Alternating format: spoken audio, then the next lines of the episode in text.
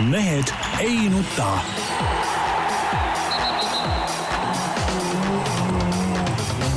mehed ei nuta. selle eest, et mehed ei nutaks, kannab hoolt Unibet, mängijatelt mängijatele. tere teisipäeva, nagu ikka, Mehed ei nuta siin Delfi stuudio ägedas stuudios. Tarmo Paju, Delfi omanik, peaaegu. Tervist jah, no juba hakkas juba, juba hakkas pihta noh. nii, Peep Pahv. Delfi Delfist... stuudio, ägedas stuudios. ei no sellest me veel kohe räägime, aga Peep Pahv, Delfi ja Eesti Päevaleht. Jaan Martinson, Delfi Eesti Päevaleht ja igalt poolt mujalt ja kõik ja kuule, meil on juba, kui kaua, Peep, meil on räägitud, et see stuudio muudetakse, pannakse mingid plakatid, värgid välja. nagu ilusaks tehakse. tehakse jah, just. aga Tarmo kui Delfi mees ei saa hakkama. Mis stuudiod, mis asja sul vaja on üldse? no lihtsalt võta, sul on mikrofon olemas ja hakka rääkima. ära puteri, ära puterda nii palju. näiteks äh, Vasalemma kooli niimoodi raadioruum oli munarestidega seestpoolt üle löödud, ma ei tea, miks siin ei ole. et sai nagu helikindlust, tead, sa said muidugi, Tarmo, sa oled nii et sa ei teagi seda, et munaresti sa kasutada heli äh, summutamiseks väga hästi. ja meil oli see kõik, see seinad olid munarestiga üle löödud, see väga kõva värk oli omal ajal. jah, meil tõesti munareste ei ole, on need kardinad, mis on ka heli summutavad. no need kardinad, need on tolmukogujad lihtsalt nii, aga Jaan, sul on mikrofon ees, räägi. nii, poliitikast tahaks rääkida, olin kenasti Prantsusmaal äh, rallit vaatamas ja siis loen, et valitsus äh, soosing on kukkunud hästi madalale ja siis ma sain lõpuks teada, et äh, miks see niimoodi on juhtunud, sellepärast et nad. seletas seda. Just, et äh, nagu kõikide valitsuste, kõikide kukkumiste pool, kõik on tehtud briljantselt, ainult me ei ole suutnud rahvale selgeks teha nende otsuste õigsust. ehk siis need pensionärid, kes peavad nüüd oma pensionist äh, riigile rohkem maksma kui needsamad ministrid ja peaministrid, nad ei saa aru, kui hea see Eesti riigil on see, et, et Eesti inimene joob märksa rohkem, kui ta jõi enne, küll aga toob kogu oma viina ja õlle Lätist, see on ka Eesti inimesele kasulik. ja Eesti inimesele on ka väga kasulik see, et, et hinnad tõusevad, bensiinihinnad tõusevad, et kõik hinnad tõusevad, see on ju väga hea ja positiivne no ega nii ongi noh. nii ongi. ega, ega ma lugesin sama Jüri Ratase selgitust ja, ja tundsin ennast isegi nagu süüdi natukene et kuidas ma nii loll olen tegelikult, et ei saa nagu aru tegelikult, et kõik need asjad on tegelikult väga hästi, noh. Aga miks sa oled selline, Tarmo? no vot ei tea, no ei ole välja mõelnud veel, mitu päeva on sellest Jüri Ratase artiklist möödas, see oli laupäeval või nädalavahetusel vist oli see. no meelsugused tagurlased ei saa nagu aru sellest, aga sina? ja ei, ei saa jah, isegi minusugune euronoor ei saa aru. jah, ja, ja, ja, ja paneb ka imestama tõesti, et pensionärid, nad peaksid olema ju äh, elukogenud inimesed, elu näinud, eks, et mõni, mõni on isegi Stalini ajal elanud ja kõik ja muud säärased ega nemad ei saa aru. Kas tõesti oinakari on meil see, see, keda tuleb valitseda? no ei, nii on, noh, sest kui kuulate ka, kui seda alko teematki vaadata, et siis, siis see on nagu ütleme, kuskil seal ülevalpool on mingid inimesed, kes ei saa aru, miks inimesed käivad seal Läti piiri ääres, on ju. osad on isegi sellised, kes arvavad, et see nagu juba aadete pärast peaks kindlasti ostma kõik selle kraami ikkagi nagu Eesti pinnalt, on ju aga, aga selle peale nagu ei viita keegi, et aga pagan, seal ongi poole odavam kõik, noh, et see nagu, et see tuleb nagu ikkagi nagu mingist vajadusest, et nagu äh, inimesed nagu vaatavad, et palju neil raha on ja palju võimalusi ja ja siis teevad selle otsuse. ja kusjuures täna vist tuli uudis või, või kuskil äh, näidati, et, et kuna seal ju käibemaks äh, minu teada langes toiduainetele ja. ja siis nüüd selgub, et juurikad on ka veel poole odavamad või mis, mis toidukaubad, eks. ja vaata, ega sellest me ei saa ka hästi aru et kui oli sama alkoaktsiisi teema, on ju, kus suured vaidlused käisid, räägiti, kõik hoiatasid alkotootjatega eesotsas loomulikult, millise augu see jätab siis nii-öelda maksuaugu, kuidas kõik valitsuse liikmed vaidlesid vastu sellele, vastupidi, planeerisid ju sinna eelarvesse nagu lisatulusid sellega seoses neid lisatulusid loomulikult tulnud ei ole, auk tuli isegi suurem, kui hoiatati, aga noh, me ei saa ikkagi nagu aru sellest praegu nagu väga hästi, et see et, et see on alles võib-olla nagu langus enne tõusu ja, või noh, mingi selline nagu, nagu spordis vaata noh, et tal, pead, ikka mahutrenni teed on ju. nagu alla ja siis saad üles tulla. teed mahutrennid, värgid, siis sa muidugi ei ole sportlikult väga hea on ju, et, et see hakkab alles tulema kõik. ja, ja, ja, ja me ei saa sellest aru, et, et meil jäi aktsiisist kolmkümmend miljonit laekumata, et riigile on see kasulik, et, et raha tuleb vähem sisse. No siis me ei tee lolle kulutusi. Jah, just täpselt. Ja, ja riigile on ka see kasulik. jube jama, et need maksud üldse laekusid üle, selles mõttes, et see kolmekümnest auku ei tekkinud, sest muidu Jah. maksud laekusid üle. et noh, jama lugu ei no varsti, varsti nagunii riik makse ei saa, sest et äh, oli ju siin hea Päevalehes oli Ja see oli arvamus lugu päris hea, eile. et, et äh, vedeme kõik, ega me hakkame, nüüd on ju see, Soonvaldiga ma juba rääkisin ka ära, eks ole, ega me enam ei hakka siin palka võtma, riigile makse maksma, me äh, jagame, jagamisteenuse raames jagame oma artikleid ja, ja lihtsalt saame raha ja, ja kõik on maksuvaba, nii et noh, nii, nagu- nii nagu see taksode värk, et noh, jumala okei minu arust ju. vaata, kui palju me võidame sellest, et. Jah, et need, kellel on näiteks tuhat eurot äh, nii-öelda brutopalk Eh. need hakkavad siis kuskil tuhande kolmesaja ringis kätte, kätte absoluutselt saama. ja riigid jääb, noh et, seni said mingi kaheksasaja ringis, nüüd tuhat kolmsada. siis riik ka jälle teha järjekordselt lolle kulutusi, jah, selle äpi nimi saab Peebufai olema. No miks no mitte, miks mitte jah, et noh, üldse kõike saab niimoodi teha, kõik, põhimõtteliselt on võimalik kõiki, kõiki maailma töid teha nii-öelda jagades, nii-öelda äh, äpindus on meie tulevik, eks ole, jagamisplatvormid on meie tulevik ja kogu majandus saab selle peale viia ja mitte mingeid makse polegi vaja. ei, aga Peep, aga tegelikult, tegelikult ongi ju nii, tegelikult mina ju kirjutan sellepärast, enamasti ma kirjutan sellepärast, et ma tahan, mõtteid nagu inimestega. Jaa, ma tahan kirjutada, aga ma ei teegi nalja, ma räägin ju tõsiselt, noh et äh, mine pärast äh, härra Soonvaldi kabinetist läbi ja, ja tehakse ära need asjad Jah. ja ongi kõik, võta ennast töölt lahti ja, ja asi korras. nii, nii, aga räägime nüüd spordist ja räägime nüüd äh, alustuseks rallist, et äh, kindlasti on äh, enamus meie kuulajaid sa, tüdinud juba sellest rallist. ei, nad ei ole tüdinud, aga nad on kuulanud ka meie eile toimunud rallistuudiot, et, et küllaltki ja kes ei ole, peavad kohe kindlasti minema, enne kui nad meie saadet edasi kuulavad. et küllaltki keeruline on nüüd seal midagi nüüd lisada küll, aga midagi siiski on, et, et ma nüüd eile hakkasin, meil tekkis seal saates vaidlus, vot ma kirjutasin, panin pealkirjaks, et äh, Tänak liigub tä- äh, tiitlikursil ja, ja Tarmo täpsustas, et täpselt sama võib ju öelda ka Latvala kohta, sama on Ogier kohta ja sama, sama isegi võib Neville ei saa isegi öelda, et ta ei ole Neuvill kursil. ja isegi ka Miik, vaat ma eile hakkasin vaatama, Miik on ju sama palju punkte ju, samas punktis, samas pundis just Tänaku ja Latvala ja Neuvilliga. ja vaata, kui sa seal ralli keskel oled, sa na, nagu väga ei, ei jõua nagu analüüsida äh, kõi, kõike seda. eks tuleb ka Rallit. vähe sellest analüüsivõimest. no võib-olla küll jah, aga eile hakkasime vaatama, siis tegelikult Miik, ta ju ikkagi sõitis päris okeilt, ta kahel katsel äh, kaotas, kaotas kahel katsel kaotas kolm minutit, eks. nii, ja, ja oleks tal seda puterdamist vähemal, ta oleks täiesti, no okei okay,, Otiga võib-olla ta oleks võidelnud, aga kindlasti ta oleks Latvalaga võidelnud ja lõpuks võttis ka nende viis punkti veel ära ja kusjuures veenvalt võttis, mis ta Jah. pani, mingi nelja sekundiga pani kõigile, et on sõidumees ka Nad on niimoodi, korduvalt tõestanud, et tal on ikka väga kiire võib-olla. ta on väga kiire peal jah. kaks rallit võitis eelmine aasta. aga ikkagi selles suhtes ma hooaja pikas jooksus, kui ma eelmine aasta arvasin, et tal on eh, teatud variandid tulla maailmameistriks, ma see aasta ikkagi eelmise hooaja taustal ei taha seda hästi uskuda, et niisugust seda krõksu võib vaadata käinud on, küll aga Samas ta võib igal rallil segada kaarte samas kõvasti. oli ju, ma ei tea, samas teistpidi loogika võtta, võiks ta just sel aastal nagu rohkem pretendent olla kui eelmine aasta, et päris korralikku kooliraha sai, sai ju kätte ikkagi. no seda kooliraha oli varem ka saanud no oli varem ka saanud, aga, aga noh, vähemalt sellest konkreetsest rallist võttis ta ikkagi nagu ju väga super tulemuse selge on see, et, et tegemist on sõitjaga, kes igal, igal rallil on ohtlik, et kui tal nagu õnnestub äh, rumalusi vältida, siis ta absoluutselt tipus, see on nagu selgemast selgem. just, et, et, et seal oht, ütleme, teda nagu ära unustada ühelgi rallil ei saa. no teine oht minu arust, mida, mis kumab siit Eesti poolelt läbi, on ikkagi sellesama Jari-Mati Latvala äraunustamine, kes on ka oma karjääri jooksul nüüd igasugu kooliraha maksnud juba sajandite kaupa umbes äh,. aga härra no. Martinson kirjutas meie äh, WRC kaks tuhat kaheksateist žurnaalis, mida soovitan kindlasti osta, et Latvala ei tule kunagi maailmameistriks, nii et, et kui Jaani ütles, ega siis nii on. no, No no alles sa kaks niimoodi- minutit tagasi rääkisid küll tema puudulikust analüüsivõimest, aga noh, aga ütleme nüüd niimoodi, et, et äh, jah, mina kirjutasin, aga seal olid väga kõvad vennad, kes ütlesid ja üks oli Ogier, kes ütles, et Lat- Latvalal on see probleem, et ta äh, hajub nagu mingil hetkel ära, ta äh, kohati on väga kiire ja seda ütles ka Tommy Mäkinen äh, sealsamas Monte Carlo ralli ajal ütles, et see ongi see keskendumise probleem, aga ütles, et mina ei saa siin midagi teha, mees peab ise sellega hakkama sa saama. tahad jälle siukest kollast eh, temaatikat nagu sisse tuua, negatiivsust nagu Toyota tiimi suunas, miks?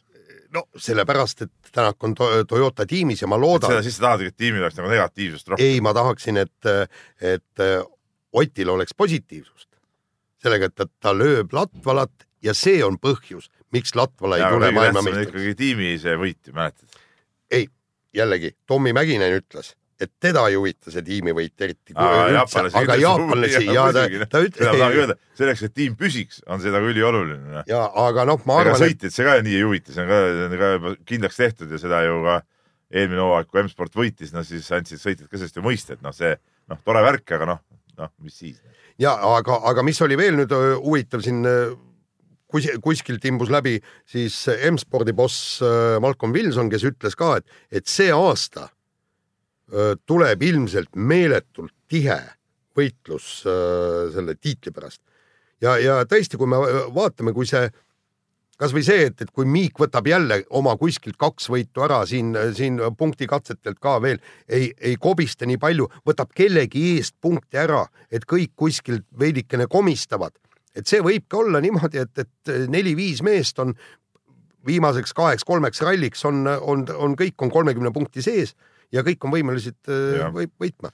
noh, see, see oleks olnud vesi nii-öelda ralli äh, veskile, noh, et, et see tõstaks seda ala veel rohkem fookusesse. ja, ja, ja, ja kusjuures vaadake, kui karm on ikkagi see, see äh, rallivärk praegu, eks. Tänak tõesti väga vinge sõiduga, teine koht. Võitles Osieega, oli, oli seal peaaegu meest kinni püüdmas ühe katsega. noh, tuli siis see vahe sisse, kõik nii. ja kui, kui me hakkame neid punkte lugema temal kaheksateist punkti, kahel mehel järgmisena seitseteist punkti ja, ja sa nagu sõidad vingelt teise koha peal, aga vahet nagu sisse ei saa järgmistega. aga nüüd ongi natukene küsimus, me eile tahtsin ka kinni jääda selles stuudios natukene sellesse, et kas selles viimases punktikatses asi oli selles, et Ott noh, otsustas ikkagi nagu tõesti väga vähe riskida või siis nad ikkagi läksid nagu enam-vähem sama, ma ei tea, seda riski levelit ei ole muidugi võimalik mõõta kuidagi, onju et äh, või, või ta läks ikkagi või nad läksid vähemalt see kolmik, Ogier, Tänak ja Latvala läksid nagu enam-vähem ühesuguse mõttemalliga sinna ja ta lihtsalt oli aeglasem. no pigem oli nii, et läksid ikkagi ühesuguse mõttemalliga, sest seegi see, et keegi neist kolmest esimesest üleliigseid riske seal ei võtnud, seal, no kindlasti mitte, eks ole. et seal oligi nüüd see küsimus, et noh, sekund äh, sinna-tänna, eks ole, ja, ja see paneb see üks-kaks punkti seal, seal paika ja, ja ütleme, selles võrdluses ta oli kõige aeglasem, aga, aga ma arvan, et selle noh, jah, seda muidugi ei, ühekordsena hooaja ühe... lõpus võib muidugi taga nutta neid punkte võib-olla ja, ja ühekordsena ma arvan praegu neid... oli ikkagi oluline see teisena lõpetada selle. ühekordsena neid kindlasti ei saa jääda taga nutma, et ja. see, see võib saada nagu taganutmiseks siis, kui sellest saab mingisugune trend või, või mingisugune hooaja kokkuvõttes on näha, et seal noh, ma ei tea, keegi, keegi, keegi vahetusvõitluses kogus punktikatselt, et ma ei tea, kaksteist punkti rohkem kui teine, siis võib rääkida mingisugust otsustamisest, et seda ühte Monte Carlot ei hakka kindlasti keegi kunagi taga nutma. no jaa, aga sa, äh, samas ikkagi tuleb nüüd see mõtteviis viia ka sinna, et punktikatsetelt tuleb punkte noppida, sest eelmine aasta näiteks Latvala Rootsi ralli võitis, võitis ka punktikatse et, äh, et kui sul on viis, viis, punkti on ikka päris äh, on, korralik ja, ja, äh, summa. ja eriti olukorras, kus me räägime siin peaaegu kuuest mehest, kes võiks olla nagu noh, vähemalt unistada MM-tiitlist, mis tähendab, et see võib nagu väga tihe olla, see asi hooaja lõpuni. aga, aga, aga seal ju sõltub ka jube palju sellest, et tõesti noh, takkajärgi mõtled, et, et äh, oleks pidanud natukene seda tõesti punktikatse värki natukene uurima. me ju ei tea, kuidas, millised pastlad olid äh, Tänaku autol all, eks, kuivõrd nad olid kulunud. Ožee muide ütles, et tal olid väga kulunud rehvid, et see oli üks põhjus, miks ta ei saanud seal rohkem nagu pingutada ja kõik muu, eks. Rootsi rallil seal ei ole probleemi, nad oma naeltega panevad seal ju äh, täis sketši algusest lõpuni. kui ei ole just äh, kruusane kruus välja tulnud ja seal on, mis, mis naelu, naelu likvideerib aga, aga siin on tõesti täpselt samamoodi, kui kõik need, iga punkt on tähtis, mis tähendab seda, et, et äh, ei ole mõtet hakata Ogier'd jälitama seal võib-olla äh, viimasel päeval või eelviimasel päeval, kui on vahe piisavalt pikk, et hoida neid suuri punkte. samavõrd tähtsad on punktid ka kiiruskatsel, selles äh, lisakatsel või, või punktikatsel, kuidas seda nimetada. nii nii, teeme väikese haagi siia veel korvpalliradadele ehk siis äh, oleme siin saanud rääkida päris tihti äh, aastas paar korda ikka sellest, kuidas väga palju treenereid pallimängualadel meil äh, välismaal leiba äh, ei teeni või ei ole pääsenud teenima.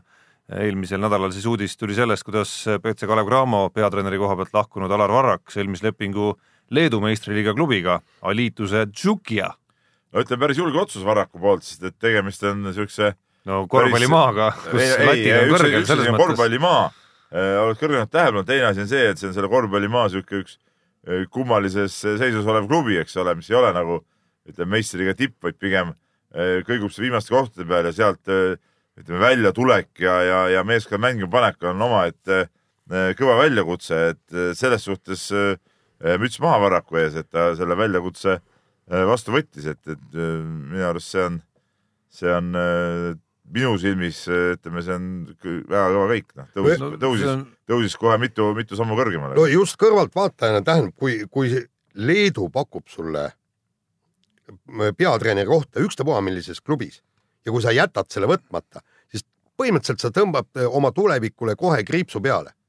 sellepärast, et noh, kui sa, kui sa juba Leetu ei lähe, noh, mis siis hakkad kuskilt Soome kaudu sest kuhugi eh? Leedus, esiteks Leedus on treenereid nii palju, mul tuleb meelde, et praegune Kalevi eh, peatreener eh, Donald Askairis ütles ka ühes intervjuus, et et Leedus tegelikult noh, treenereid on, on palju, treenerikohti on vähe, et see konkurents on suur ja isegi, isegi seal Leedu esimese liiga, teise liiga treeneri kohad on nagu, on nagu prestiižsed, no kui sa saad nagu meistriliiga eh, kohale, noh siis seda enam, et ja seegi see, et see Leedu liiga tase, sa saad seal mängida Žalgiris Ritasega, no esimene mäng oligi ju kohe Leotovas Ritasega, noh ütleme siis kõvade satsidega ja see on, see on väga-väga-väga väärt asi. no absoluutselt, et kui ta noh, see on selgelt tema ambitsiooni nii-öelda nagu noh, mõõdik natukene, et ta selle koha vastu võttis, et muidugi oleks võib-olla mingi mugavusteekond läbi, ma ei tea, Soome, Slovakkia või ma ei tea, mis iganes Jaa. klubid on ju, et äh, seesama, mis sa rääkisid, Leedu korvpallikultuur ja see hulk treenereid, mis seal olemas on, et äh, seal sa oled ikkagi nagu isegi sellises meistriliiga nagu tagumise otsa klubis oled sa ikkagi nagu sellises surve ja surve all, et sul on ümberringi igal pool, noh, sul on abitreeneriks Valdemar Somitšus, sul on igal pool ümber selline nagu korvpalli know-how, Jah. et sa pead seal ikkagi nagu, nagu väga korraliku ujumisoskusega olema, et sealt nagu välja tulla ja, ja üleüldse, kui sa oled välistreener, noh, siis on selles mõttes ju olukord väga selge, et äh, ainult üks mõõdupuu su tööl on seal ja see on tulemus, jah, absoluutselt. ainult üks et ilus jutt ja, ja see ei maksa seal nagu midagi. jah, kuigi teisalt vaevalt nüüd keegi ootab, et ta, et ta meeskonna esinelikusse viib, et et seda kindlasti et, mitte, seal tuleb vältida nagu sellist potentsiaali seal klubis nagunii ei ole, et, et eesmärgid on loomulikult natuke teistsugused.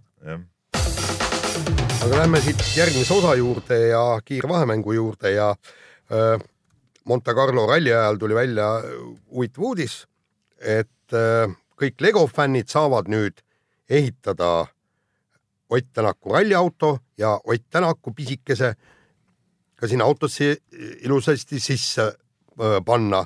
ehk siis äh, ainuke probleem on äh, selles, et see on vana auto ja vana tänak. et Ehk siis- Tänak ise on ka teist nägu seal või? no teine vorm on seljas, et see on M-spordi auto ja M-spordi vormis Ott no, Tänak. ilmselgelt mänguasjatööstuse äh, veskid äh, jahvatavad äh, niivõrd aeglaselt, et äh, uut äh, vormi ja, ja uut autot oleks ilmselt nagu raske praegult välja tulemas oodata, et No ja aga oleks on, võib- mis on, on, mis on ja teine asi on see, et, et värvid on olemas, värvid auto üle ja ega need on enam-vähem samasugused autod ju ja kõik nii. küll aga hind on muide neliteist seitsekümmend üheksa, nii et äh, noh, väärt mees, nagu selgub. aga mis ma, Peep, tahtsin öelda, vaata meie ajal ei olnud Lego kohta ma võin sulle öelda, Jaan, ma ei tea, palju sa Legode ostmisega oled kokku puutunud, aga Lego kohta on see päris vähe muidugi. aa, on vähe, okei okay.. no jaa, aga see on väike auto ka ja väike mees. aga Peep, mis ma tahtsin ju sulle öelda, et sa kujutad ette, kui meie ajal oleks Legod olnud, pagan, see oleks ülivinge, ma mäletan, meil olid mingid konstruktorid. metallist konstruktorid. Just sai kraanasid isegi ehitada mina mäletan neid väga hästi just, aga, aga ja autod oli ka vaata need pisikesed mudelautod, kui keegi kuskilt väljamaalt tõi, siis sa olid ikka nii või sees, et noh, see nii uhke asi. just, et äh, tänapäeval lapsed ei oska hinnata neid asju ka, ega siis näha mingi üks Lego korra panevad ja nii see jääb ja, ja nii ta on. ja ma mäletan, et oma mudelautode kollektsiooniga sai ikka nagu aastaid ja aastaid mängitud. ei olnud nii, et äh, täna sain ja ülehomme kuidagi ununes ära juba. aa, kuule, vaata seal konstruktoritel olid ju elektrimootorid olid ka, ma mäletan, et tegime seal mingisuguse, no konstruitasime mingisuguse autolaadse asja ja mikro mikromootorid, äge.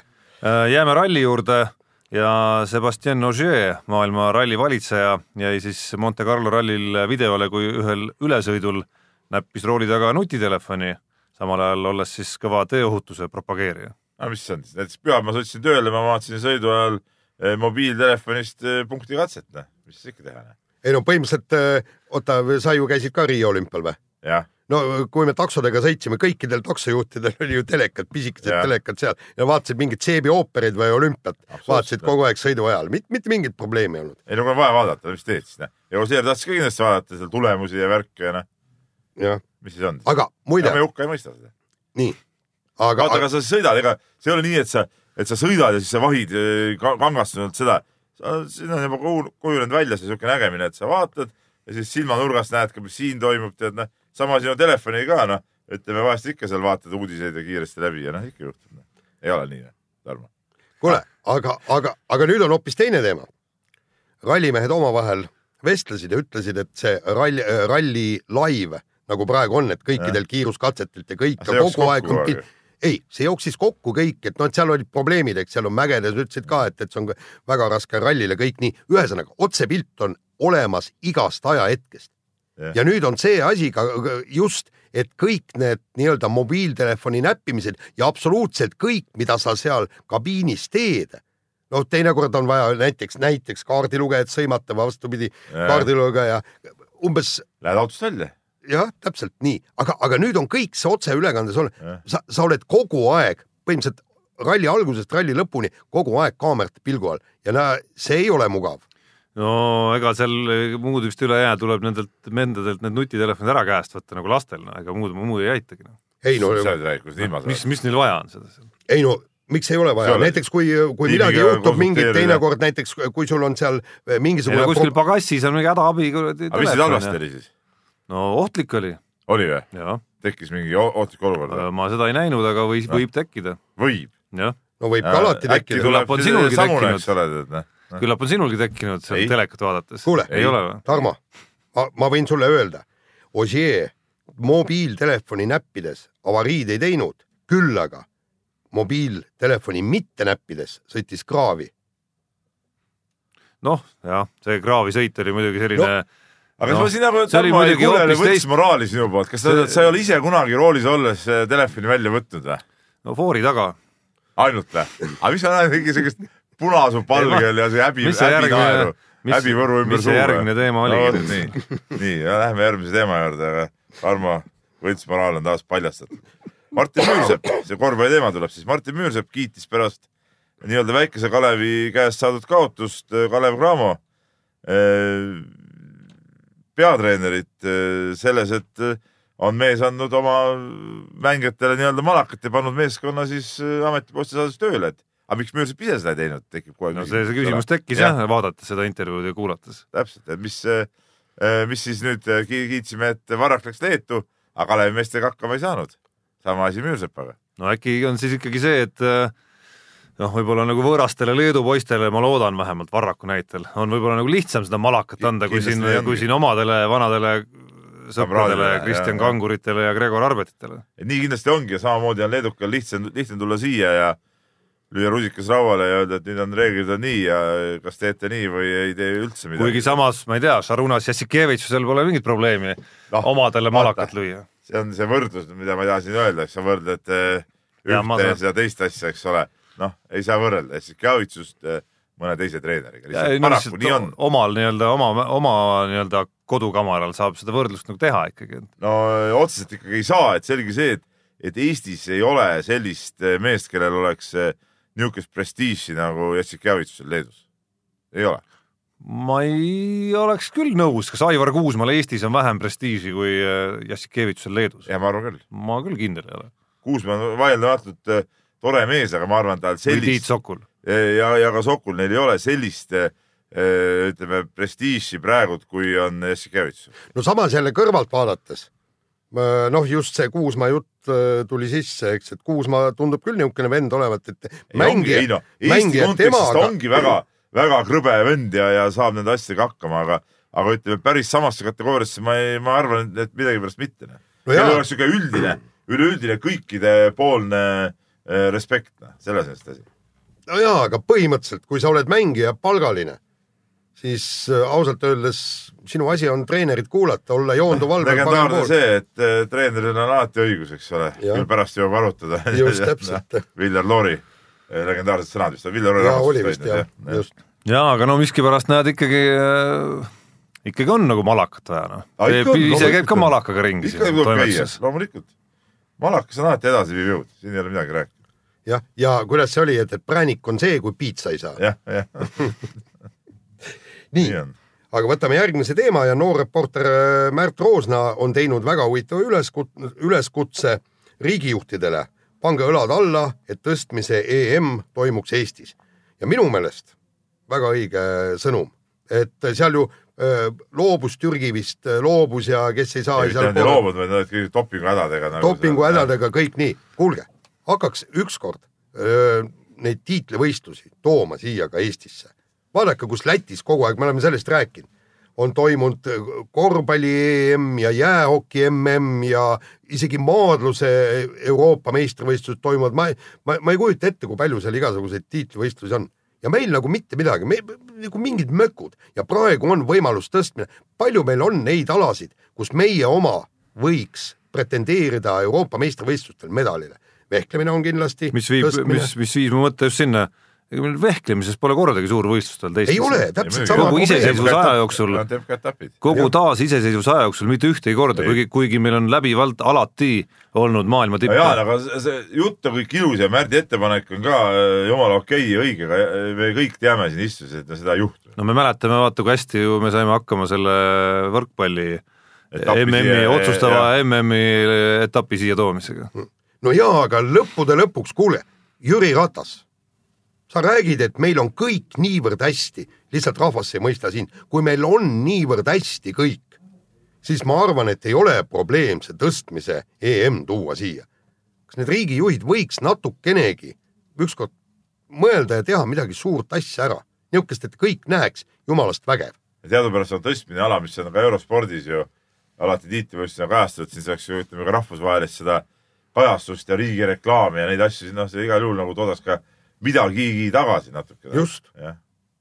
et see ei ole päris nagu must auk küsimus, toppimine. jah, sest, sest see ei ole eriti kallis, palju see oli, üks, üks miljon, üks koma kolm miljonit, et, et i- iseenesest see reklaam, mis sealt eurospordist tagasi saab, et, et see, see, ma arvan, et katab ära küll. no vaadates, mis äh, jampsi peale raha kulutatakse, siis noh, see kindlasti oleks asja, asjalik äh, kulutus. Aga kiire vahemängu lõpetuseks on äh, väike viktoriini küsimus Jaanile, ma loodan, et sa ei ole seda Ei ole. lugu ise lugenud, ehk siis VTB koduleheküljel oli, oli pikem lugu sellest, kuidas BC Kalev Cramo on sel hooajal väga tubli olnud ja erinevad huvitavad faktid, mõni küll ei vastanud tõele nende seast, aga see selleks. seda, kas vastab tõele see fakt, mida ma nüüd küsin sinu käest, seda saab küll alles tulevikus näha, aga väide oli siis, et BC Kalev Cramosse kuulub üks endine NBA mees, see vastab tõele loomulikult, aga ka üks tulevane NBA mees. nüüd on küsimus sulle, kes see on? tulevane või? jah, no ma ise, esimene kohe tuli mõte, et, et võib-olla Kristjan Kangur. et teine noorus tuleb kallale ja mõni NBA klubi värbab ta, ei- mägede õhk siiamaani mõjutab Monte Carlost. sellepärast, et Matt, Mattias Tass ju läks sealt ära, muidu ma oleks Mattias Tassi pakkunud. ja, ja noh, eks see mägedest allatulekuga võib-olla tekib mingi vaakum. ei, aga rohkem ma ei osanud pakkuda mitte kedagi. nii, aga kes siis on tulevane NBA vend no.? no eks pakkumine on loomulikult eh, seesama Isaiah Briscoe loomulikult, aga kes, seal kes teab, kes alla on saab,. kes on äh, endine NBA mängija. ei, seda ei tea. ta oleks ka kangurit pakkunud, ma arvan. ei, Müürsepp oleks no mõtle pakkunud. ise, kes on nagu ütleme, tulnud ka siin nagu tippklubidest läbi käinud. tead, see, noh, ütleme niimoodi, et need mõned teise nahavärviga ja teise maa mehed, need ei huvita mind absoluutselt. jätame selle Jaanile siis äh, uurida. Koduseks ülesandeks. koduseks ülesandeks järgmise, järgmises saates siis. aga see on ikka kõva, et, et Kalev suudab, Kalevist läks ju Müürsepp ka ju NBA-sse on ju, eks. ja ikka. no täpselt, Kalev ikkagi kasvatab nagu NBA, NBA mehi. Briskau on siis ka järelikult siiamaani see ta, Akognon, see käis ka, sai ta lõpuks NBA-s päris, päris ka mängida Äh, ikka sai, ikka sai jah. natuke vist sai jah, aga ta, ega ta mingi päris tegelane seal ei olnud, sest aga näed, et äh, natukene. ülikoolist vend NBA-sse minna ei suuda. aga siin töötati üles kolm mängu, kolm mängu no no., nägid noh, asi seegi. absoluutselt. kui meil oleks Eestis veel üks korvpallur, kes on siis kolm mängu teinud NBA-s, siis ta meil oleks kohe superstaar. Aga- viis aga- punkti isegi viskas selles kolmes mängus. kuule, aga, aga kas siit ei saa üldse teha nagu Kalev Cramo teha noh, nagu nii-öelda reklaamlause, et tahad NBA-sse, tule Kalev et Cramosse. need äh, poolid oleks võinud siia tuua hoopis. lihtsalt seal Leedu. Peep, see oleks äge.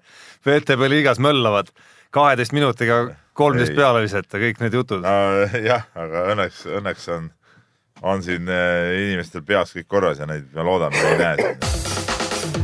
aga lähme edasi. Lähme edasi kirjade rubriigiga, kirju on nagu alati palju ja, ja siin tuleb päris huvitavaid küsimusi, aga alustame Egon Illissonist, minu kunagine äh, niimoodi alluv, kes tööl mul seal Postimehes. no meie äh, väärt Valga korvpallikommentaator Ja on viimasel, paaril hooajal. on kirjutanud ka paar raamatut, milledest ma olen, mida ma olen ka lugenud, nendest üks, esimene oli päris hea, teine enam nii hea ei olnud, aga noh, see selleks, nii. Hakkame siis otsast peale, et eelmine kord rääkis Peep sellest, Peep sellest, et Kelly Sildaru olümpiakuld kaaluks igal üle, üle Anett Kotaveidi suure slam'i turniiri võidu eh,. siit nüüd küsimus, et kui kõrgelt hindate ka tennise olümpiakulda? et eh, tennisemängijate jaoks on ju see suure slam'i turniirid kindlasti olulisemad kui olümpia et, et kas pigem eelistate, et Kontaveit võidaks Tokyos kulla või Wimbledoni tiitli? no Peep eelistab loomulikult mina olümpiakulda. eelistan, jah, tennisistid ise eelistavad, mida tahavad, aga ikkagi olümpiakuld jääb olümpiakullaks. Pe. Peep, aga siit ongi väga huvitav äh, küsimus, kui to äh, Tokyo aastal Kontaveit võidaks äh, olümpiamängud ja Kanepi Wimbledoni, kumma sa paneksid äh, Kontaveidi, Kontaveidi? olümpiakuld.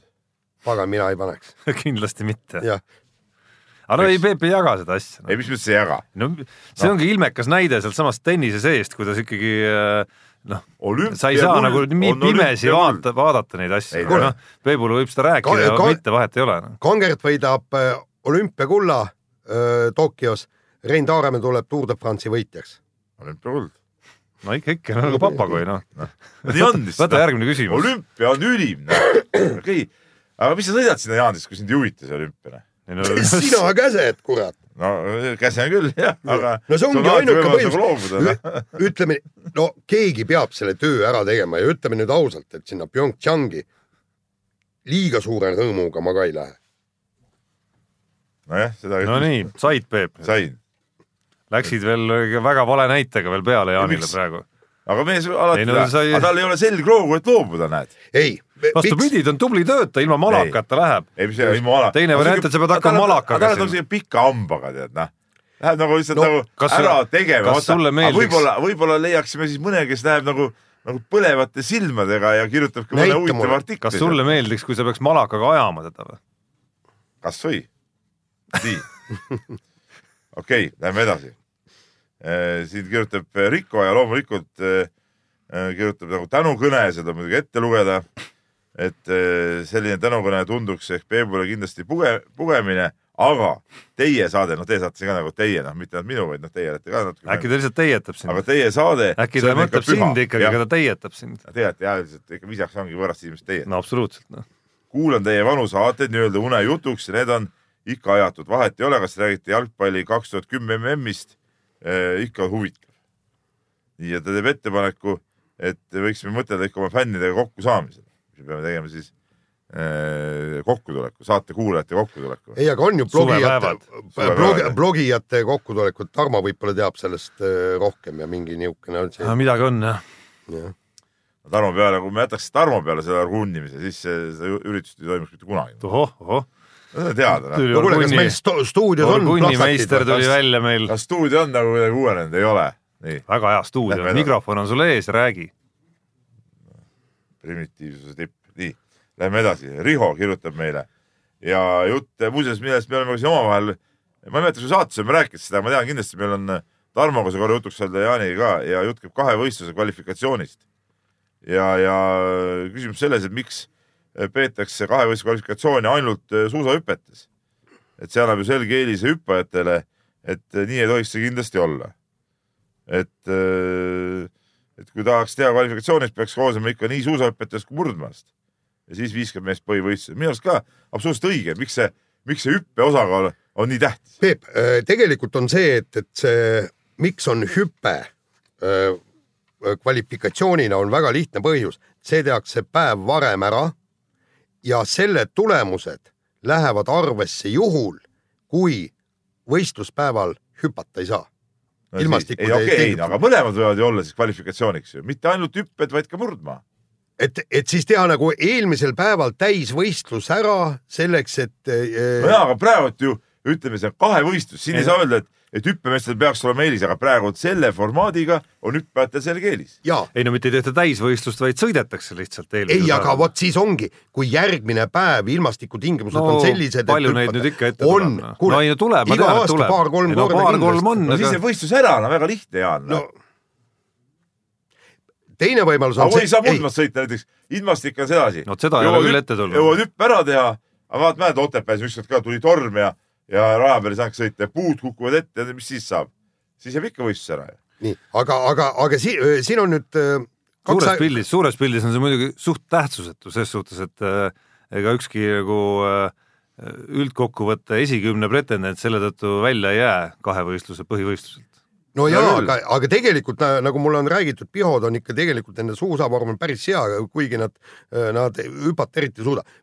siin on nüüd üldse, mul on kaks asja, üks asi on see, et, et võib-olla tõesti MK-etapile lu- lubada kuuskümmend võistlejat ja, ja, ja, ja kõik pääsevad rajale, tegelikult see kümme võistlejat hüppab, see on mingi minu, minutine värk on ju. Ja, ja, ja murdmaas niikuinii viimased vennad lastakse laine, lainega peale, et ühesõnaga see nagu ei ole äh, probleem, aga te, teine asi oota, kas meil tuleb, meil tuleb äh, kahevõistlusest veel juttu, siis teise asja ma räägin seal ära, et, et mis mul on üks mõte tulnud, aga okei, ja kirju veel, ma saan ikka paar asja veel ja noh, mis siis salata, peab jälle ikkagi ennast siin esile tõstma. no kus sa muidu saad, eks no absoluutselt. sa oled Ja- kõvasti ja- kirju vihtunud vahepeal, ma vaatan.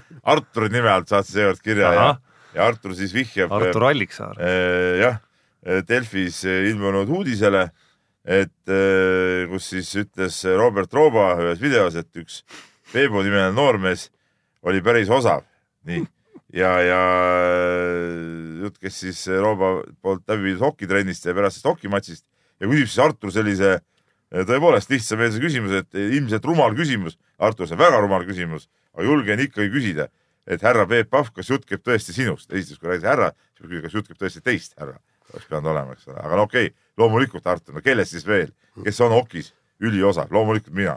kuule, Peep tegelikult ma vaatasin seda, seda klippi kuskil kellelgi äh, oli, oli see klipp, klipi peal mind näha ei olnud eriti. ei, klipi peal sind näha ei olnud, klipi küll aga oli oli kahjuks, kahjuks oli näha need noored vennad, kes tõesti see oli piinlik, Jaan. see oli piinlik, see oli see oli piinlik. täitsa, ma, ma tunnistan ausalt, see oli täitsa uskumatu, ma ei arvanud, et, et tulevad kohale ajakirjanikud, kes nagu, ma ei tea, kas esimest korda on uiskude peal või, või, või pole kunagi või, või on kunagi võib-olla ühe, üks-kaks korda elus uisutanud. mis, mis noorust te olete elanud, mehed? ma ei saa aru sellest. no aga ma kahtlustan, et need olid kõik ikkagi no ütleme vähemalt kümme-viisteist aastat nooremad kui mina isegi. kõik võib-olla. No enamik vähemalt. aga no et ma arvan, et selle põlvkonna harjumused ongi teistsugused. no aga no valed harjumused lihtsalt elul, noh, mehed. ei, aga ma ei vaidle vastu no, absoluutselt. ütleme nüüd niimoodi, et minu poeg uisutab küll, tütar uisutab ka, kõik nad, nad käivad, käivisid siin isegi see, mis seal on siin, mitte Maarjamäel või kus pagana mäel see on see, siin Harjumäel Harjumäel., on kõik öö, uisutamas, võtsid lapselapsed kõik kaasa, kõik oskavad uisutada, et, ma tõesti noh, see on ikka tegelikult vanemate probleem, See et see nad on ei ole lapsi uisutanud. aga üritus iseenesest, ma tahan öelda muidugi, oli väga vahva, et selles suhtes Oki liidule ja, ja, ja Robert Roobale ja nende kõigile viis pluss punkti, et nad üldse siukse asja tegid, noh, et oma ala jaoks, noh, neile tegelikult oli selle uue vormi tutvustada selle raames, nad poleks elu sees nii palju neid aeg-ajalt kohale saanud, kui poleks siukest asja teinud. aga rahvast tuli kohale palju ja, ja, ja jumala äge oli. no nad, nad leidsid ja ma ise polnud ka ju, ma polnud Nad- kümme aastat ise jääl käinud, ma otsisin ma- eelmine õhtul kuurist välja oma vana varustuse seal, osad asjad olid küll oksudeerunud mulle, see pükste, need sisemised lukud, vaata, no sina, Tarmo, tead vormi, eks ole.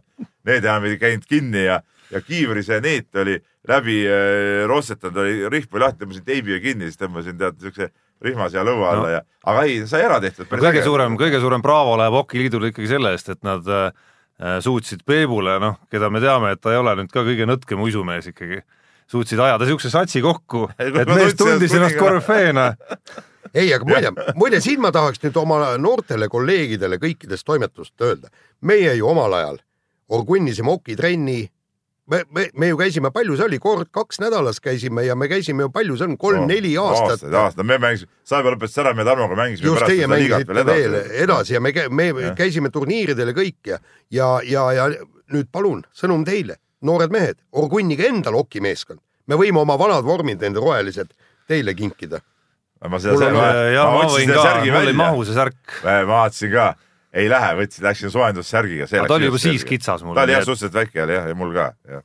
nii, aga nüüd kiiresti lihtsalt siin üks väike, väike asi on äh, siin ühes kirjas ka, mida äh,, mida ma äh, tahaks äh, lihtsalt välja tuua kiiresti kirjade ru- rubriigi lõpuks ja, ja siin äh, viidatakse sellele, kuidas äh, Austraalia Openil siis tekkis skandaal, avastati, et äh, üks USA-t esinev tennisist jälgib Twitteris paremradikaalide postitusi küsiti kohe selle kohta ka pressikel ja, ja siit äh, tuleb ka nagu väide või küsimus, et, et ajakirjandus natuke hulluks läinud oma multikultiga ja, ja, ja, ja ütleme siukeste inimeste nagu mahategemisega, ma tahangi siin öelda, et äh, ma küll ei, seda uudist ma ennem ei teadnud, ma nägin seda siin kirjas, vahet pole, aga üleüldse ma ütlen küll, mind tõesti häirib see, et nii Eesti ajakirjandus kui ka see lääne peavoolumeedia ongi liiga äh, üliliberaalne ja üli, ülimultikulti, et see ajab mind äh, tegelikult äh, jubedalt närvi. kuule, aga samas ma võin ka öelda, et viimasel ajal on ajakirjandus õnneks avaldanud väga palju artikleid just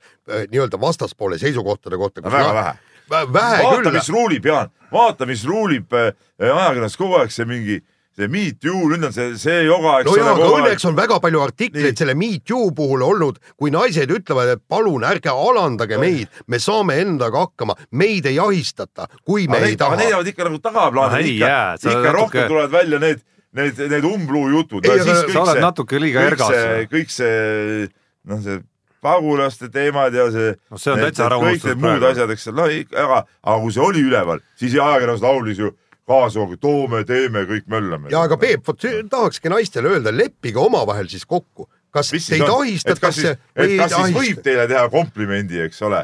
Või kutsuda eh, nii-öelda tantsule või, või kui ütleme, vallaline noormees kutsub eh, peale Ei no see on, eh, diskosaali eh, hotellituppa näiteks või midagi. ega maailm ei olegi nii lihtne, ongi, ei olegi ühtset. ei, mis mõttes ei ole, mees on kiskja, mees on murdja, eks ole, see on ju fakt ju noh, ja naine on see, kes tahab, et teda murtaks tegelikult, noh, see ongi tema roll ju, tead noh. no vaata, kui sa loed neid, teistpidi nagu on, siis on ka nagu imelik jälle natuke, noh. vaata, kui sa loed neid erinevaid, siis üks naine tahabki ühtemoodi, teine teistmoodi, noh. no mis, no see on ju nüüd, see on, see on mingi väikse grupi sihuke kiun ja kisa, mis kostub hirmsasti välja ja siis need ajakirjanikud lähevad hirmsasti sellega kaasa. ega sa ikka siis, ega sa looduse asju ikka teistpidi ei pööra, noh. on ikka ette nähtud, et mees on mees ja naine on naine, mees on tugevam pool, naine on nõrgem pool.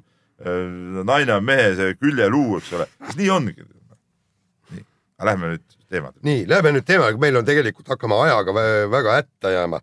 nii äh,, kirjad loetud, võtame järgmise teema, Karoliine Wozniacki võitis Austraal-, Australian Openil tenniseturniiril siis esikoha esimene tiitel talle ja, ja sellega näitab, et, et tegelikult noh, et, et äh, naiste tennises on kõik lahtine, et, et tegelikult seda Wozniackit võivad võita ju ka Kaia, on ka võitnud, eks, et Kaia Kanepi ja ja Anett Kontaveit ja, ja lihtsalt tuleb kõik asjad ühel hetkel ühel või kahel nädalal klappima saada, et, et siis on võ- võimalik võita või siis väga-väga kõrgele tulla, et kõik on avatud naiste tennises. no naiste seis ongi lihtsalt selline lihtsalt, noh noh, kuigi teisalt äh, äh, me nägime finaalis ikkagi, et äh, seal olid vastamisi maailma edetabe- või tähendab asetuse järgi esimene ja teine, eks ole, et, et seal ei olnud praegu seitsmes ja ma ei tea, kahekümne esimene.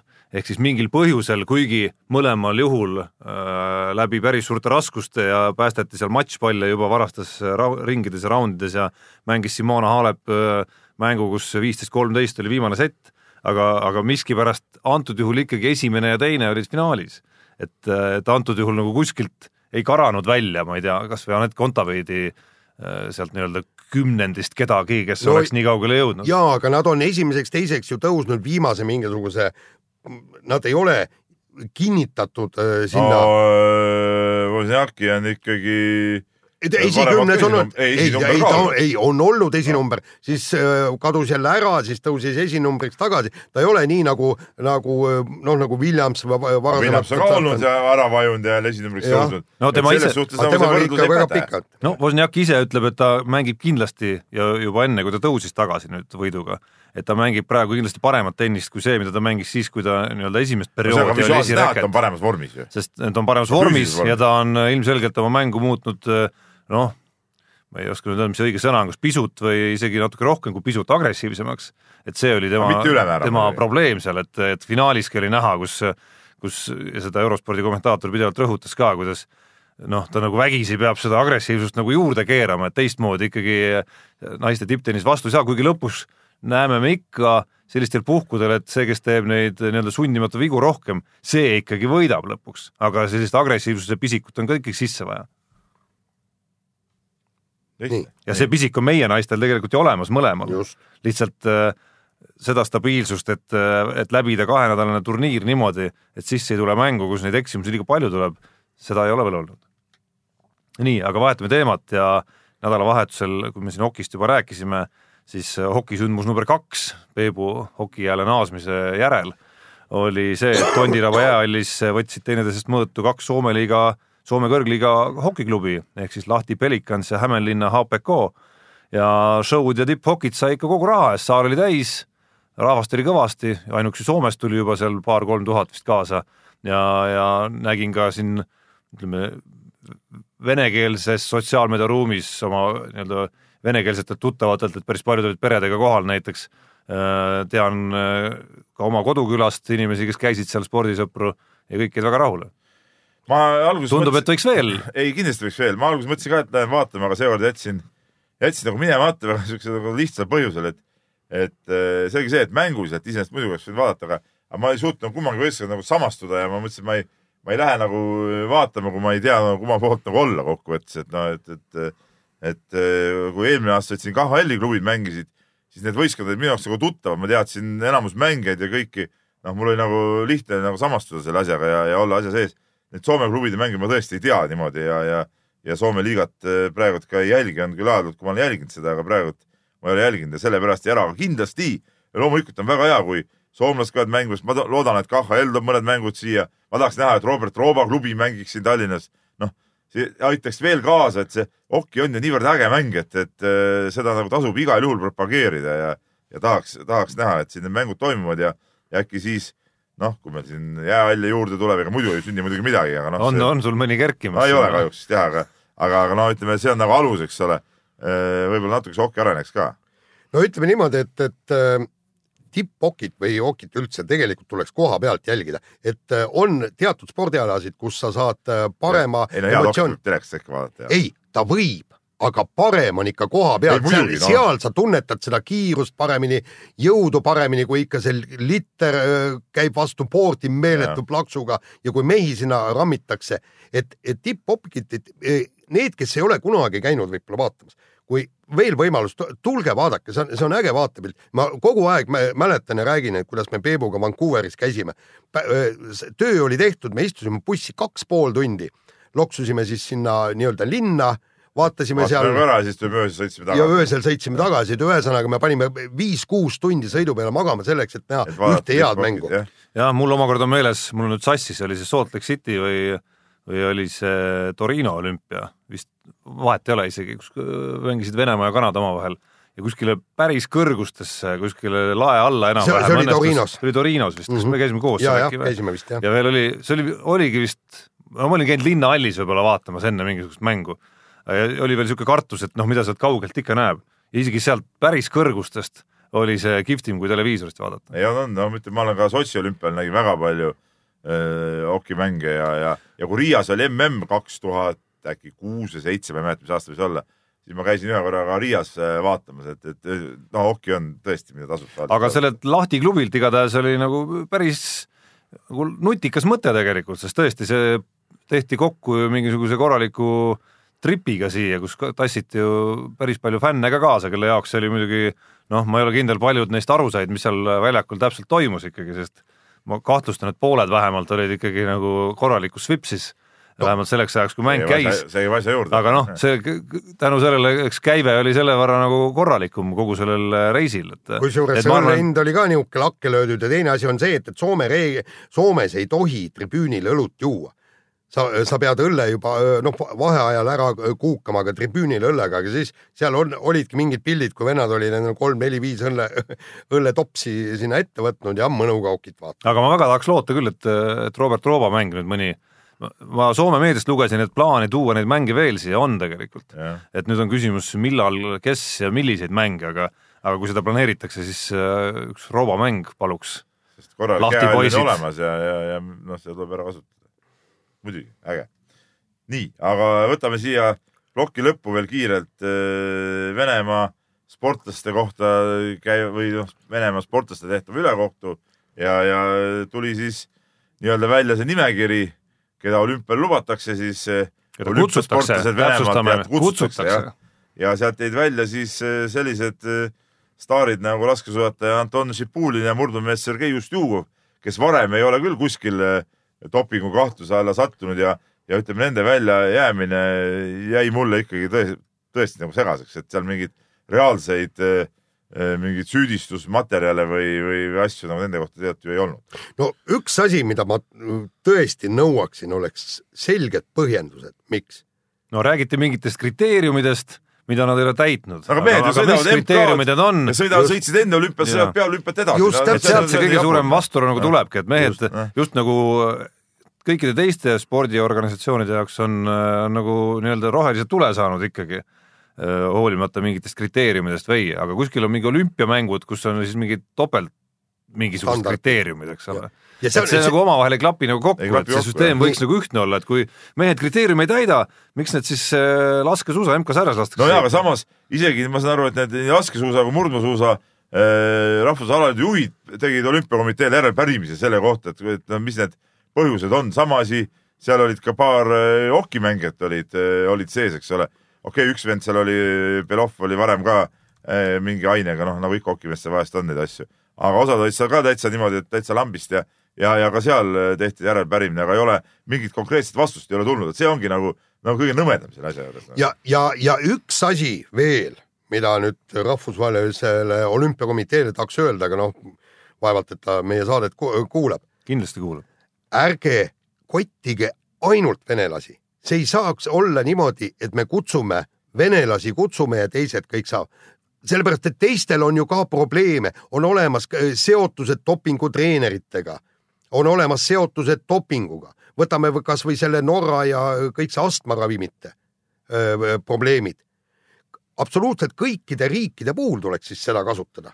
et kui, kui olümpiavennad Pahh ütles ka, olümpiakomitee president ütles, et, et noh, et eh, tahame tagada selle, et kõik need sportlased, kes olümpiale tulevad, on nagu puhtad, eks ole. noh, pidades silmas siin just nagu Venemaa sportlasi, aga mis siis saab, kui mõne teise riigi sportlane nüüd dopinguga vahele jääb? Või kuidas nad siis nagu, nagu eh, sellele otsa vaatavad ja reageerivad, jah, sellepärast et seal oleks näiteks Norra puhul oleks tä- täiesti selgelt, eks, et seesama äh, Mart, Martin Su- Sundby küsimus ütleme, kui Sulpi oleks venelane, tal ei oleks mingit varianti. ei oleks absoluutselt, just täpselt, vot see ongi noh, ebavõrdsus. Aga lähme edasi, saate viimane osa ja siin on äh, olümpiast juttu ähm,. Äh, Kristjan Ilves siis äh, kolm päeva MK-etapil teenis täiesti kopsakaid punkte ja parimal juhul äh, sai ta vist Kuuenda. kuuenda koha, sest ma see oli see viie kilomeetri suusasõiduga, mis ei ole nagu päris just võistlus. just, aga nii kui suusadistants pikemaks läks, nii, nii tekkisid kohe probleemid, aga ikkagi kahekümne seas ja hurraa. Vot siin ma tahtsin, tahtsingi eh, anda edasi oma sõnumi, et tegelikult miks ei võiks olla suusahüpetel üks võistlus hüppajatele, teine võistlus suusatajatele kahevõistlejatel siis ka. või kahevõistlejatel, jah, nii. ehk, ehk siis äh, suurelt hüppemäelt hüpatakse, eks ju, kus hüpe maksab ja sõidetakse viis kilomeetrit. ja see on nüüd üks medaliala. teine medaliala oleks väikselt mäelt hüpatakse, kus on siis need vahed tulevad öö, väiksemad sisse ja sõidetakse kümme kilomeetrit. ja siis ongi, üks ala on selgelt hüppajate kasuks, teine ala on selgelt öö, siis suusatajate kasuks ja mõlemad saavad oma. no eks kahevõistluse ma praegu noh, teoritiseerin, aga ma arvan, et see nii on, et kahevõistluse kui alahuvi on pigem hoida nagu mingit ideaalbalanssi kogu aeg seal kõikidel võistlustel, sest ega äh, need koefitsiendid ju ka muutuvad vastavalt võistlusele kui palju või kas kaks hüppevooru või on üks hüppevoor ja nii edasi. ei no see on ainult üks võistlus kahe hüppevooruga. et, et on... ma arvan, et see nende huvi on ikkagi see, et et lõpuks see hea suusataja ja see hea hüppaja saaksid põhimõtteliselt finišisirgel kokku omavahel. see on ju see ala nagu ideaal jah, aga, aga paraku see nii ikkagi ei ole. paraku nii ei ole jah. no kuidas kunagi noh, selles mõttes. üldjuhul ikka head suusatajad on ikkagi tegelikult äh, eelisseisus, eelisseisus natukene. noh, kuidas võtta, kui sa vaatad, kes sellesama viimase tuuri võitis, siis äh, ma ei saaks öelda, et jaapanlane Watabe oleks nüüd suusatamises esirinnas. tal õnnestus tõesti äh, ikkagi nagu nii pikalt eest ära. no vastupidi, kui me vaatame ikkagi äh, seda ala, ma ei tea, viimase kahekümne aasta ajalugu, siis me näeme selle tipus ikkagi üldjoontes on need, kes mõlemaga saavad ikkagi hakkama. ja see, kes on emmal-kummal alal ikka väga kehv, see ikkagi ei jõua tippu aga kui me räägime nüüd eh, Ilvesest, siis eh, kõik, kõik need eh, juba Levandi aegadest saadik, kõik need Genji Ogivarad, kõik sellised mehed, Klaus Sulzenbacherid, enne kui nad nagu sõidutaset ei viinud teatud levelile, enne nad ikkagi ja, võitma ei hakanud.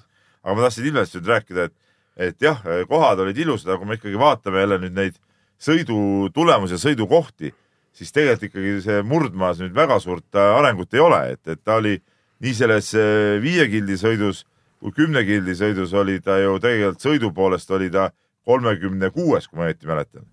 et noh, et äh, viies kilomeetrit päästis sealt see, et see distants nii lühike, et need kiiremad sõitjad ei jõudnud lihtsalt järgi, kuigi ta aeg oli vilets, aga no. kümnes gildis no juba andis tunda see ja, ja, ja kui see oli viisteist kilti, no siis andis veel rohkem tunda see lõpu kustumine oli veel suurem no.. et, et ikkagi tema, kui ta tahab nüüd saada kõrget kohta, eks ole, hüppab ennast, ütleme stabiilselt esikümnesse, siis ta peab ikkagi seda sõidutaset ka tõstma, et sinna esikümnesse jääda nagu päris distantsidest. õigel olümpiadistantsil ta pole esikümnesse kordagi tulnud veel ju jah, kuigi ta oli päris äh, lähedal sellele ükskord see kukkumine, mitte ei võtnud seda võimalust ära tol korral.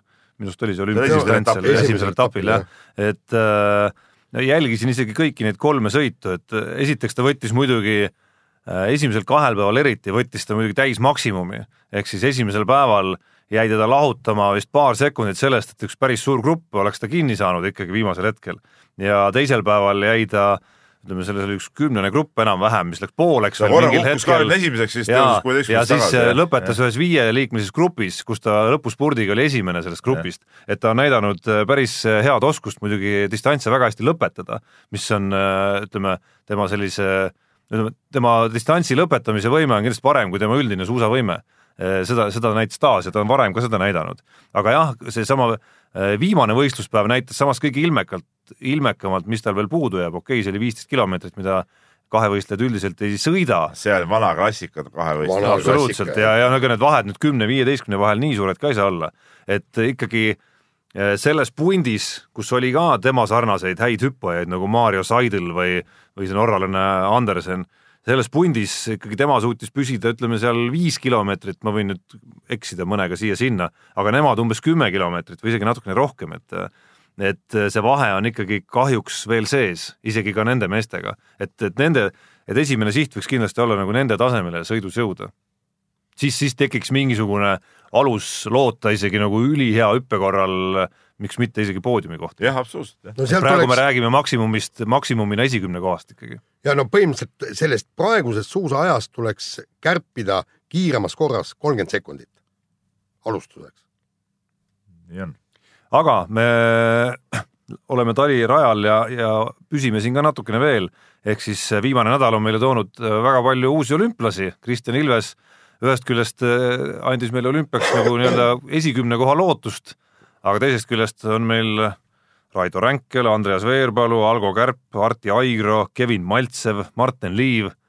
no delegatsioon ju aina paisub. ei no Martin Liiv oli ju ka varem, tema sai lihtsalt ühe distantsi juurde. no okei okay,, niipidi tuhand... jah. jah, tema tahab, saab tuhandet viitsadaga sõita ja see on tegelikult äh, tervitatav. see on okei okay, ja. aga, üldine teema on siis see, et äh, et väga paljud riigid oma nii-öelda nagu tagumistest kohtadest äh, nõrgematele sportlastele loobuvad, meie võtame kõik vastu. ja meie korjame siis kõik selle nii-öelda need hädaabikohad ja prügikohad üles ja siis tõepoolest ongi nii, et, et noh, ega loomulikult ma saan, sportlastest ma saan aru, iga sportlane unistab olümpiamängudel pääsemisest ja ja nende jaoks on suur asi, ütleme, nad said selle koha nüüd ja, ja tore on, et saavad minna.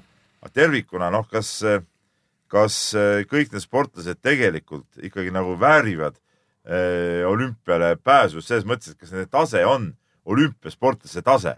et, et see, no ma olen kindel, et, et ei ole tegelikult no, no kui olümpial nii-öelda osavõtt ka maksab, siis on. no, siis, olümp- siis sellist nagu- asja, no siis sellist jura, asja, saad ise ka aru, siis sellist asja, peaks olema spordi absoluutne tipp ja sinna pääsemine peaks olema juba nii oluline asi. aga kui sa lihtsalt saad neid kohti, noh, kui sa pole isegi MK-sarjas kunagi võistelnud või, või, või, või sel hooajal pole kordagi käinud võistlemas seal või kui oled käinud, oled jäänud mingitele imekaugetele kohtadele, no siis mi, miks sa peaks seal olümpial võistlema võib- samal ajal, samal ajal näiteks, kui me läheme teise spordi alla, võtame kasvõi selle kurlingu, kus meie näiteks seesama paarismängijad on ju tegelikult tõesti tipptasemel ju ja ei saa olümpiale. see on see alade, alade totrus, kus mõnel alal saab nii lihtsalt peale ja mõnel alal ei saa nagu üldse praktiliselt aga see ei ole minu arust küsimus niivõrd, ma ei tea, Eesti Olümpiakomiteele või Algo Kärbile. See see on nagu olümpia Jah, nagu korraldajatele. Et teistpidi võtad, kui Algo Kärp ütleks või, või Eesti ütleks Algo Kärbi koha puhul, et ei, vaata Algo Kärp ei ole piisavalt hea, siis võetaks tema järel ju temast veel kehvem võistleja sinna. vaata, vaata, ma tahan siin rääkida, et tegelikult las need keenialased ja boliivlased ja, ja muud islandlased kasvõi, et nemad võistlevad, nemad lähevad tõesti sinna osalema.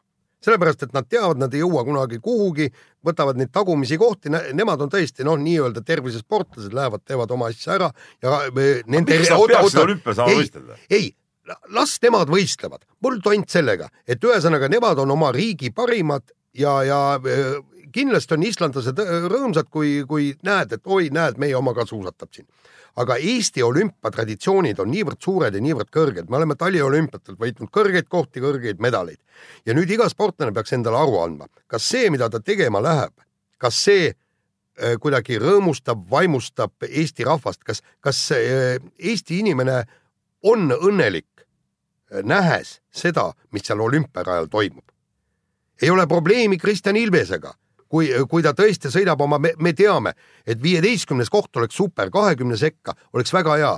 noh, et, et po- poiss, poiss annab oma parima ja see on täiesti normaalne. See on normaalne rahvusvaheline konkurents, jah, ju, just täpselt, täpselt sama need kiiruisutajad. On, mis nad on, aga nad on need kohad välja võidelnud ja, ja kus ei ole lihtne, kui kaheksakümmend naist ainult pääseb üldse olümpiale ja, ja, ja mm, Saskia Alusalu on kaheksakümne hulgas, väga okei. okay ja öö, kindlasti ta annab seal endast öö, parima, täpselt sama Ma- Martin Liiv, kui me vaatame neid aegade võrdlusi, ta on ikkagi kolmekümne maailma parima hulgas, eks mm. -hmm. nii, aga, aga nüüd tõesti need, kes lähevad sinna elus esimest korda üldse nagu suuremale tiitlivõistlusele ja, ja, ja, ja nad on need kohad saanud nagu nii-öelda mingi hädaabi äh, nagu noh. no aga noh, häda, noh, hädaabi, see ei kõla natuke nagu selles mõttes ülekohtuselt, järjekord ongi nagu nendeni jõudnud, noh. Sest kui nad ütlevad ei, siis võetakse järjekordselt ju veel järgi. ei vaata, tegelikult need järjekordi ei ole vaata kuna mõnedel riigid, riikidel on nii palju neid hea- heal tasemel sportlasi, siis tegelik taseme järjekord nendeni pole jõudnud ju, ei jõuagi kunagi tegelikult. no selle järgi võiks me nii-öelda mitte hädaabiga sinna saanutest ka päris mitmed maha võtta, sest noh, ma ei tea, norralasi on kindlasti eespool siin, kes meil siin said äh, auga nii-öelda, Andres, Andres Veerpalu sai nii-öelda hädaabiga, aga ma ei tea, Marko Kilp, eks ole, võib-olla tema isegi saaks olümpiale, kui kõik norralased võetakse ette, noh. see, siis ei saaks üldse niimoodi vaadata, noh. aga tead, peaks olema ikka nii, et, et kui see piir on äh, tõmmatud, eks ole, kes on kvalifitseerunud, keegi ära ütleb, sinna ei pea uusi peale tooma, miks see, miks see sportlaste arv peab vägisi nii suur olema, noh. et No. kogu aeg, mida rohkem me sealt võtame, seda rohkem me neid kehvemaid äh, sportlasi sinna olümpiale nagu satub, noh. sellega ma olen iseenesest nõus, aga see on, aga see on nagu olümpiakorraldajatele pigem küsimus ja miks on alade vahel nii ebaühtlaselt see jagatud samamoodi. ja, ja, ja seal tuleb, ma ütlen, et noh- personaalselt kõike seda tuleb vaadata. ja aga täpselt kas see sama,, ja aga kas see Algo Kärp pakub meile rõõmu või mitte, noh, see on lõpuks ju nagu noh, nii-öelda vastuvõtja küsimus, no ega me ei pea siis nagu vaatama siukse virinal näoga seda, noh. las ta olla seal, mis segab sind? no, no vaata, seda aru, kõike me- tuleb personaalselt võtta, nagu ma ütlen, et see küsiti ka, et mä, mäesuusatajal see Tormis Laine, kes ei ole või, võistelnud ju kuskil täiskasvanud MK-sarjas kõik nii. aga kui me vaatame, et ta on praegu juunioride maailma edetabelis, on esikümne see, esikümne piiril ta on üheksa kuni kaksteist mis tähendab seda, et, et, et temal seitsmeteistaastasel poisil tasub küll sinna minna nuusutama seda õhku.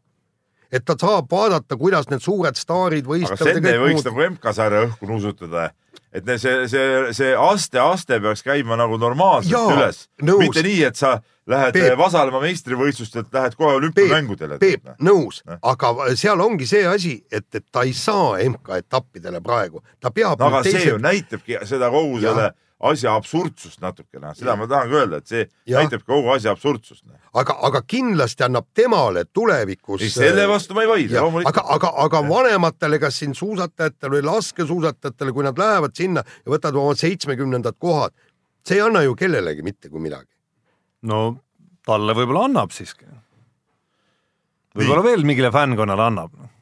aga ta ei võta ka kelleltki midagi samas, noh. Võtab võib-olla ainult temast veel kehvematelt suusatajatelt võimalusel võistelda. nojah, tead, vaata siin ongi see asi, et, et sa, Tarmo, millal sa viimati käisid tõesti no äh, nii-öelda võistlustel, ma pean minema, ma käisin Sotšis ja see, see ei olnud meeldiv kogemus. kui üks sportlane teise järel tuleb sinna, nukker nägu, kellel pisar aga sa ei pea silmas. teda intervjueerima üldse, noh. miks te intervjueerite neid me üldse? peame, me Ei peame pea. ei, mis vastupidi, loomulikult peame, me peame ju kajastama Eesti sportlaste tegevust, kui Eesti sportlased seal on juba. kui ta saab seitsmekümne viienda koha, noh, ära siis No ära aga- siis aga küsi siis ma ta ei- käest midagi, noh. no ja, ja siis, kuidas ta selgitab, põhjendab, et miks taaskord nii läks, miks ma ei suuda seda teha, teist. rõõmu oli Sotšis, Peebukene, palju meil oli, palju meil oli, et, pärast võistlust me lõ- lõime rusikaga lakke ja ütlesime jess, normaalne, normaalselt teine tehtud. hoiak seekord, lähed, mul kärp jääb nüüd hambusse kogu aeg, aga lähed nende juurde ja viskad viis pihku, oh hästi, jõudsid kohale, tubli. jõudsid kohale. no kuule, no ei, päris nii ei ole. no nii see asi ei käi muidugi. üt-, ütleme tõesti, noh, teatud sportlased, nagu ma ütlen, kiirusutajad, kui, kui see tormis laine suudab kaks, kaks laskumist korralikult alla tulla, koha saab, vot tõesti viskan viis pihku, kurat, sa oled seitsmeteistaastane poiss, sa olümpial said hakkama, kaotasid viie sekundiga parimale, okei okay,, aga sinu aeg veel tuleb, on ju, eks. aga, aga, aga mõni vanem sportlane tuleb seitsmekümnendad, no aga kui ta tuleb hoopis neljakümne üheksandana näiteks, no siis siis juba võiks ka visata ju käe just pihku., jaa, just täpselt, siis vaatamegi. aga kogu selle nutulaulu taustal ma tahan öelda saate lõpetuseks ühe asja.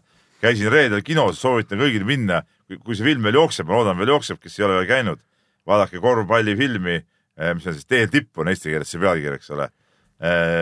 vägev elamus ja, ja, ja ütleme, lõpeb ikkagi nagu päris spordiga ja, ja, ja, ja võimas värk, soovitan kõigil, kes Aga- vähegi spordisõbrad on, soovitan kõigil minna vaatama. aga kohtunikud ikkagi kottisid ameeriklased ära.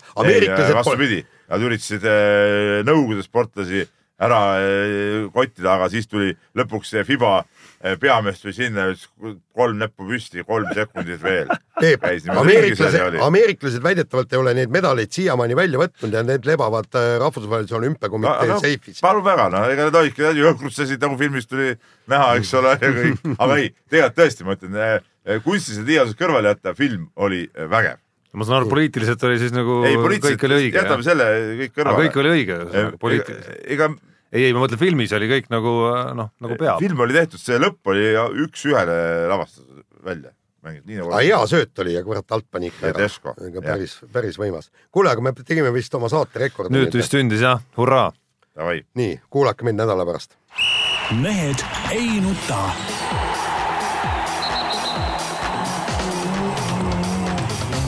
mehed ei nuta